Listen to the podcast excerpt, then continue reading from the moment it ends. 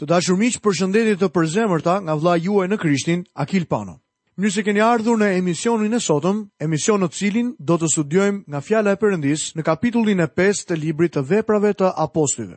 Ndërkohë që mbërrijmë në këtë kapitull, pra në kapitullin e 5 të këtij libri, po vazhdojmë të shohim efektet e predikimit të madh që mbajti Simon Pjetri. Këtu do të shohim edhe infektimin e parë në kishë, e ndjekur nga vdekja e dy personave, Ananias dhe Safirës që ishin të krishterë, por që nuk po jetonin në nivelin e lartë shpirtëror të kishës së hershme.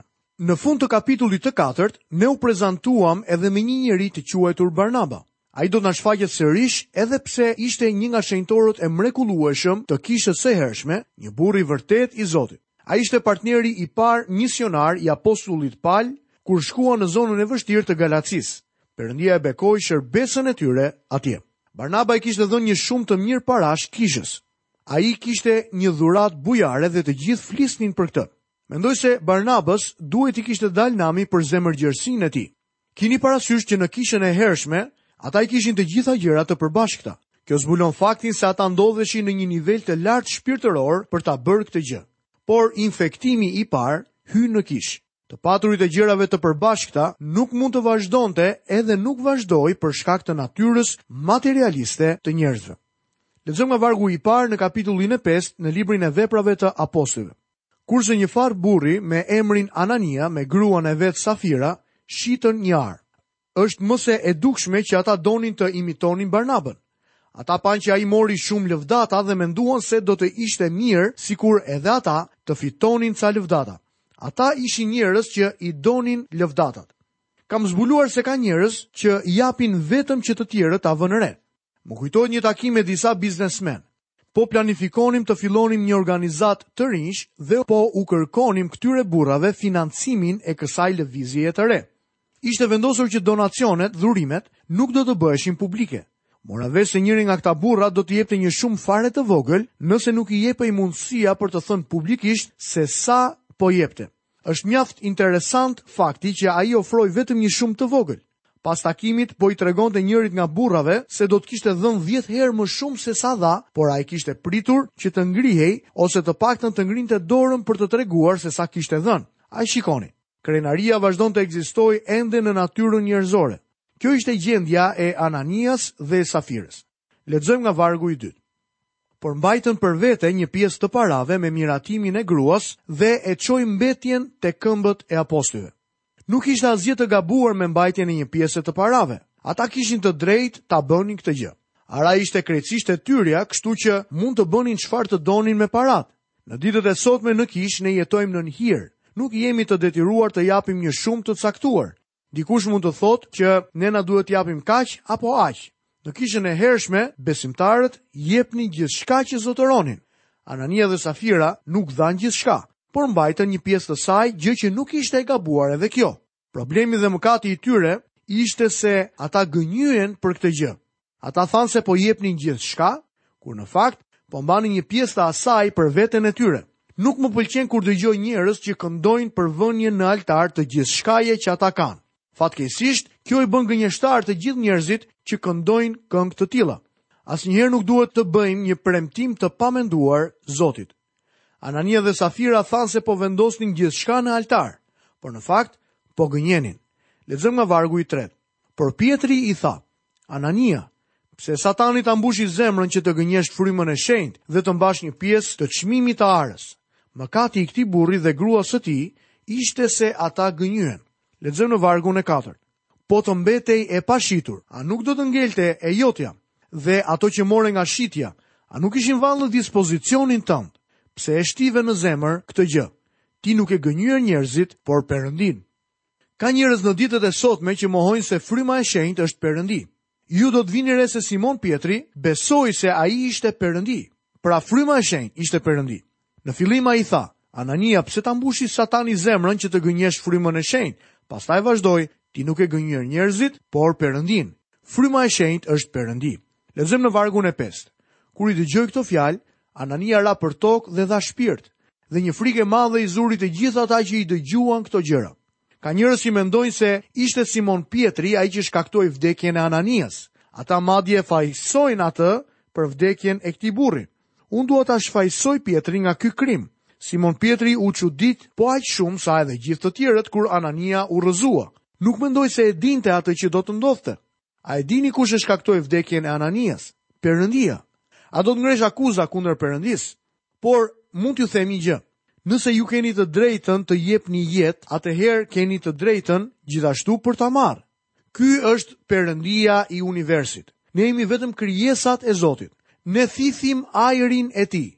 Ne përdorim trupat që ai na ka dhënë. Miku im, ai mund t'i marrë trupat tanë kur të dojë. Perëndia nuk është fajtor për krim. Kjo është disiplina e tij brenda kishës. Perëndia është personi përgjegjës për vdekjen e Ananias dhe Safirës. Lexojmë më poshtë nga vargjet gjashtë deri në vargun e nëntë. Atëherë u ngritën disa të rinj, e mbështollën, e mbartën jashtë dhe e varrosën. Dhe afërsisht tre orë më vonë hyri dhe gruaja e tij, e cila nuk dinte ç'kishte ndodhur. Dhe Pjetri i drejtoi fjalën, duke thënë, Më thuaj, a e shitët arën për kaq? Dhe ajo u përgjigj, Po, për aq. Atëherë Pjetri i tha, Pse u morët vesh që ta tundoni frymën e Zotit? Ja, këmbët e atyre që e varrosën burrin tënd janë në prag të derës dhe do të të bartin jashtë edhe ty. Simon Pjetri e di se çfarë do t'i ndodhë asaj. Ai nuk e dinte se çfarë do t'i ndodhte Ananias, por tani është mjaft e qartë ajo që do t'i ndodhë kësaj gruaje. Lexojmë nga vargjet 10 dhe 11. Në moment ajo ra te këmbët e tij dhe dha shpirt. Dhe të rinjtë si hynë e gjetën të vdekur, e mbartën jashtë dhe e varrosën pranë burrit të saj. Kështu një frikë e madhe e zuri gjithë kishën dhe gjithë ata që i dëgjonin këto gjëra. Në këtë ngjarje më habisin dy gjëra. Njëri është fakti se një gënjeshtër si kjo nuk mund të ekzistonte në kishën e hershme.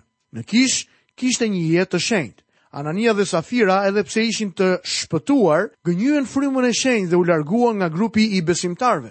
Ata kishin kryer një mëkat që të çon në vdekje. Tani në letrën e parë të Gjonit, kapitulli 5 vargu i 16, Gjoni shkruan: Nëse dikush sheh vëllanë e vet se kryen një mëkat që çon në vdekje, le t'i lutet Perëndisë dhe ai do t'i japë jetën atyre që bëjnë mëkat që nuk çon në vdekje. Ka mëkat që çon në vdekje, nuk them që ai të lutet për këtë.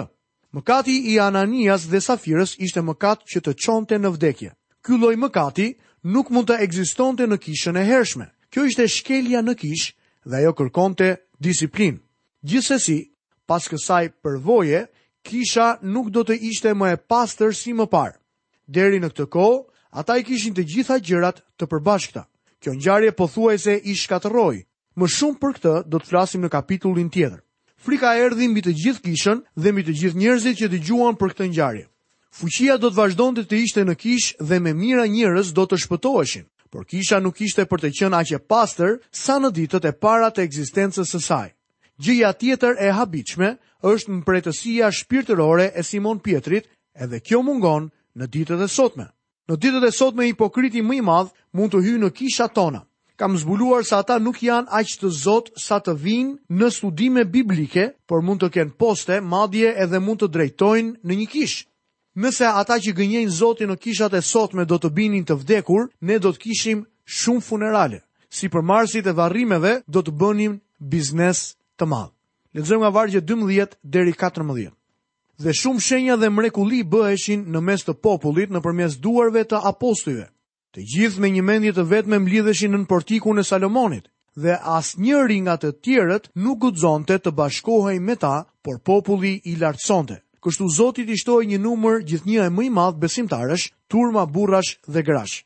Vini re se apostujt ushtronin dhuntitë apostolike. Ata bënë shumë shenja midis njerëzve. Disiplina në kishë solli frikë dhe ndaloi ringjalljen. Por ende kishte nga ata që shpëtoheshin. Besimtarët po i shtoheshin Zotit. Ne dimë që në vitin treqind pas Krishtit, miliona njerëz në Perandorinë Romake u kthyen tek Zoti. Lexojmë vargjet pesëmbëdhjetë deri gjashtëmbëdhjetë. Aq sa i binin të sëmurët në sheshe, i vinin në shtretër e në shtroja, që kur kalonte Pjetri të paktën hija e tij të mbulonte ndonjë nga ata. Edhe një turmë nga qytetet përreth turrej në Jeruzalem, duke sjellë të sëmurët dhe ata që mundoheshin nga frymëra të ndyra dhe të gjithë shëroheshin. Kjo ishte fuqia e kishës së hershme. Ne duhet të kemi parasysh se në atë kohë Testamenti i Ri ende nuk ishte shkruar. Kisha ishte ndërtuar në Jezu Krishtin, ai është guri i qoshes dhe apostujt ishin dëshmitarët e tij. Deri tani ne pamë se brenda kishës së hershme ekzistonte disiplina. Tani do të shohim se do të vijë persekutimi nga jashtë. Ndërkohë që apostujt ushtronin dhuntitë e tyre, ata patën një kundërveprim. Lexojmë nga vargjet 17 dhe 18. Atëherë u ngritën kryeprifti dhe të gjithë ata që ishin me të, domethënë sekti i Saducenjve, plot smirë dhe vunë dorë mbi apostujt dhe i futën në burgun publik. Vini re se Saducenjtë udhëheqin persekutimin. Farisenjtë ishin ata që drejtuan persekutimin kundra Jezusit, ndërsa Saducenjtë janë ata që drejtojnë persekutimin kundra Kishës së hershme, kështu që apostujt arrestohen për herë të dytë dhe futen në burg. Lexojmë vargun e 19. Por një engjëll i Zotit natën i hapi dyert e burgut dhe si i nxorri jashtë, tha. Këtu përdoret fjala një engjëll i Zotit. Në Testamentin e Vjetër, engjëlli i Zotit nuk ishte gjë tjetër veçse Krishti i pamishëruar. Por tani Krishti është njeriu në lavdi në anën e djathtë të Perëndisë. Ai është personi që drejton aktivitetin e apostujve të tij. Në ditët e sotme, fatkeqësisht në më të shumtën e kohës, Këmbët dhe duart e tij janë të paralizuara për shkak se njerëzit në kishë nuk po lëvizin për të në këtë botë. Jezu Krishti dëshiron të lëvizë nëpërmjet kishës së tij. Ai dëshiron të lëvizë nëpërmjet meje dhe teje, nëse e lejojmë atë. Ky që shfaqet këtu nuk ishte Krishti, por një engjëll. Lexojmë nga vargu 20 deri 23. Shkoni, paraqituni në tempull dhe i shpallni popullit të gjitha fjalët e kësaj jete. Dhe ata si i dëgjuan këto, hynë në tempull kur zbardhte dita dhe mësonin. Por kryeprifti dhe ata që ishin me të, erdhën dhe thirrën bashkë Sinedrin dhe të gjithë pleqtë e bijve të Izraelit, pastaj dërguan rojat në burg për t'i sjellë apostujt. Por rojat kur arritën në burg nuk i gjetën dhe kur u kthyen, bënë raportimin e tyre duke thënë, Ne e gjetëm burgun të mbyllur me kujdes dhe rojet në këmbë përpara dyerve, po kur i hapëm, nuk gjetëm asnjë njeri brenda. Kjo është pak a shumë si situata e ringjalljes së Zotit Jezu Krisht. Guri nuk ishte hequr për të dalë Jezusi.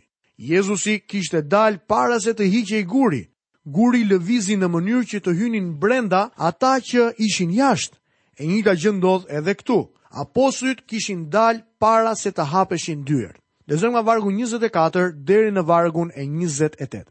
Por kryeprifti, komandanti i rojeve të tempullit dhe krerët e priftërinjve kur i dëgjuan këto gjëra, mbetën të habitur lidhur me këtë sepse nuk dinin ç'donte të thoshte gjithë kjo punë.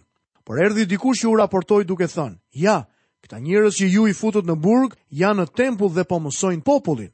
Atëherë komandanti shkoi me rojet dhe i solli pa dhunë nga frika se mos populli i vriste me gurë.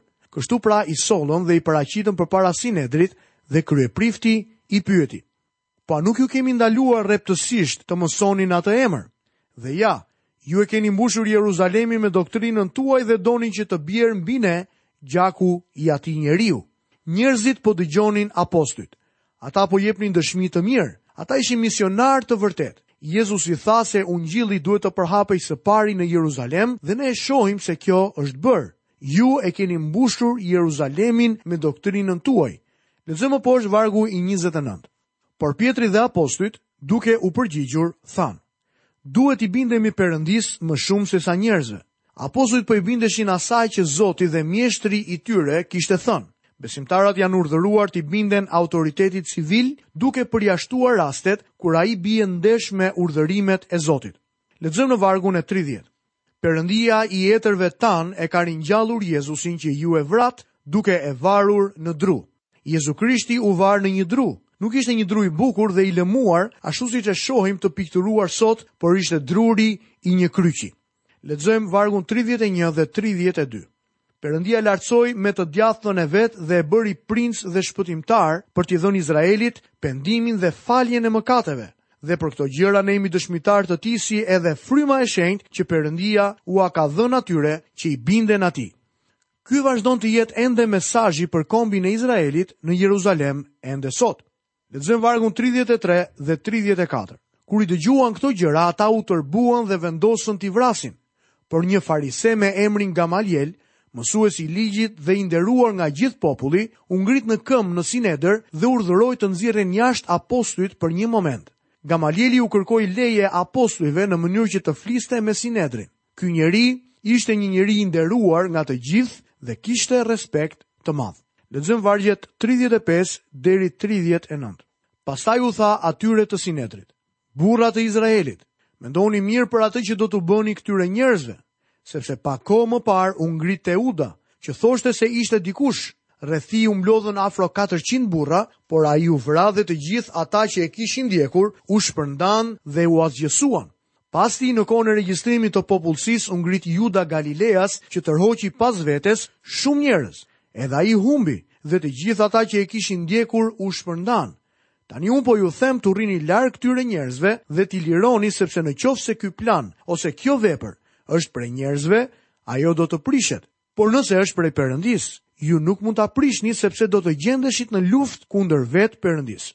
Gamalieli jep një shembull të burrave që nisën një kryengritje dhe patën shumë ndjekës, por pas vrasjes së tyre, ndjekësit e tyre u shpërndanë. Ai i këshillon se e njëjta gjë do t'i ndodhë edhe Jezusit dhe ndjekësve të tij. Lexojmë vargun e dyzet. Dhe ata ia vunë veshin, dhe mbasi i thirrën apostujt, i rrahën dhe i dhanë urdhër të mos flasin në emër të Jezusit, pastaj i lanë të shkojnë. Nëse këta njerëz do të ishin të pafajshëm, ata do t'i kishin lënë të ikin. Nëse do t'i kishin gjetur fajtorë, duhet t'i kishin mbajtur dhe dënuar.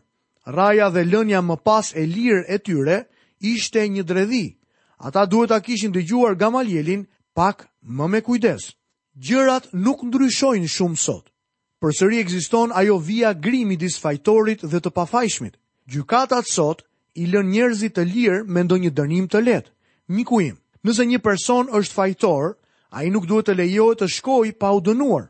Lexojmë vargun dyzet e një dhe dyzet e dy.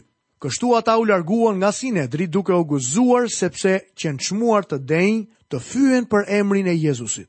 Dhe çdo ditë në tempull e nëpër shtëpi, nuk pushonin duke mësuar dhe duke shpallur lajmin e mirë që Jezusi është Krishti.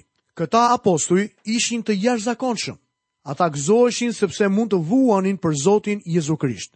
Ata vazhdonin të mësonin dhe të predikonin Jezu Krishtin. Çfarë është ungjilli? Ungjilli është një person, është personi i Jezu Krishtit. A e njeh ti atë sot? Përgjigja mund të jetë po ose jo. Nuk mund të ketë një përgjigje të mesme. Ti ose i beson Krishtit, ose nuk i beson. Ai ose është shpëtimtari yt, ose nuk është shpëtimtari yt. Ky është mesazhi. Apostujt nuk pushonin së mësuari dhe së predikuari Jezu Krishtin. I dashur mik, cila është vendodhja jote sot? A ke besuar deri tani në Krishtin? Nëse jo, unë të thërras që ti të vendosësh për të besuar. Besoji Jezusit. Ai shpëtimtari i vetëm i botës. Prano Krishtin si Zotin dhe si shpëtimtarin tënd dhe jeta jote do të transformohet. Ai do të falë mëkatet e tua dhe ti do të vish në një marrëdhënie të gjallë dhe personale me Perëndinë, krijuesin e universit. Këtu kemi mbërritur në fundin e emisionit të sotëm. Ju kujtoj që do të vazhdojmë studimin tonë në librin e veprave të apostujve në emisionin e ardhshëm, duke filluar studimin tonë në kapitullin e 6 të këtij libri. Deri atëherë, nga vëllai juaj në Krishtin Akil Pano, paçi paqen e Perëndisë dhe bekimin e tij në jetën tuaj. Bashkë mirë u dëgjofshim në emisionin e ardhshëm.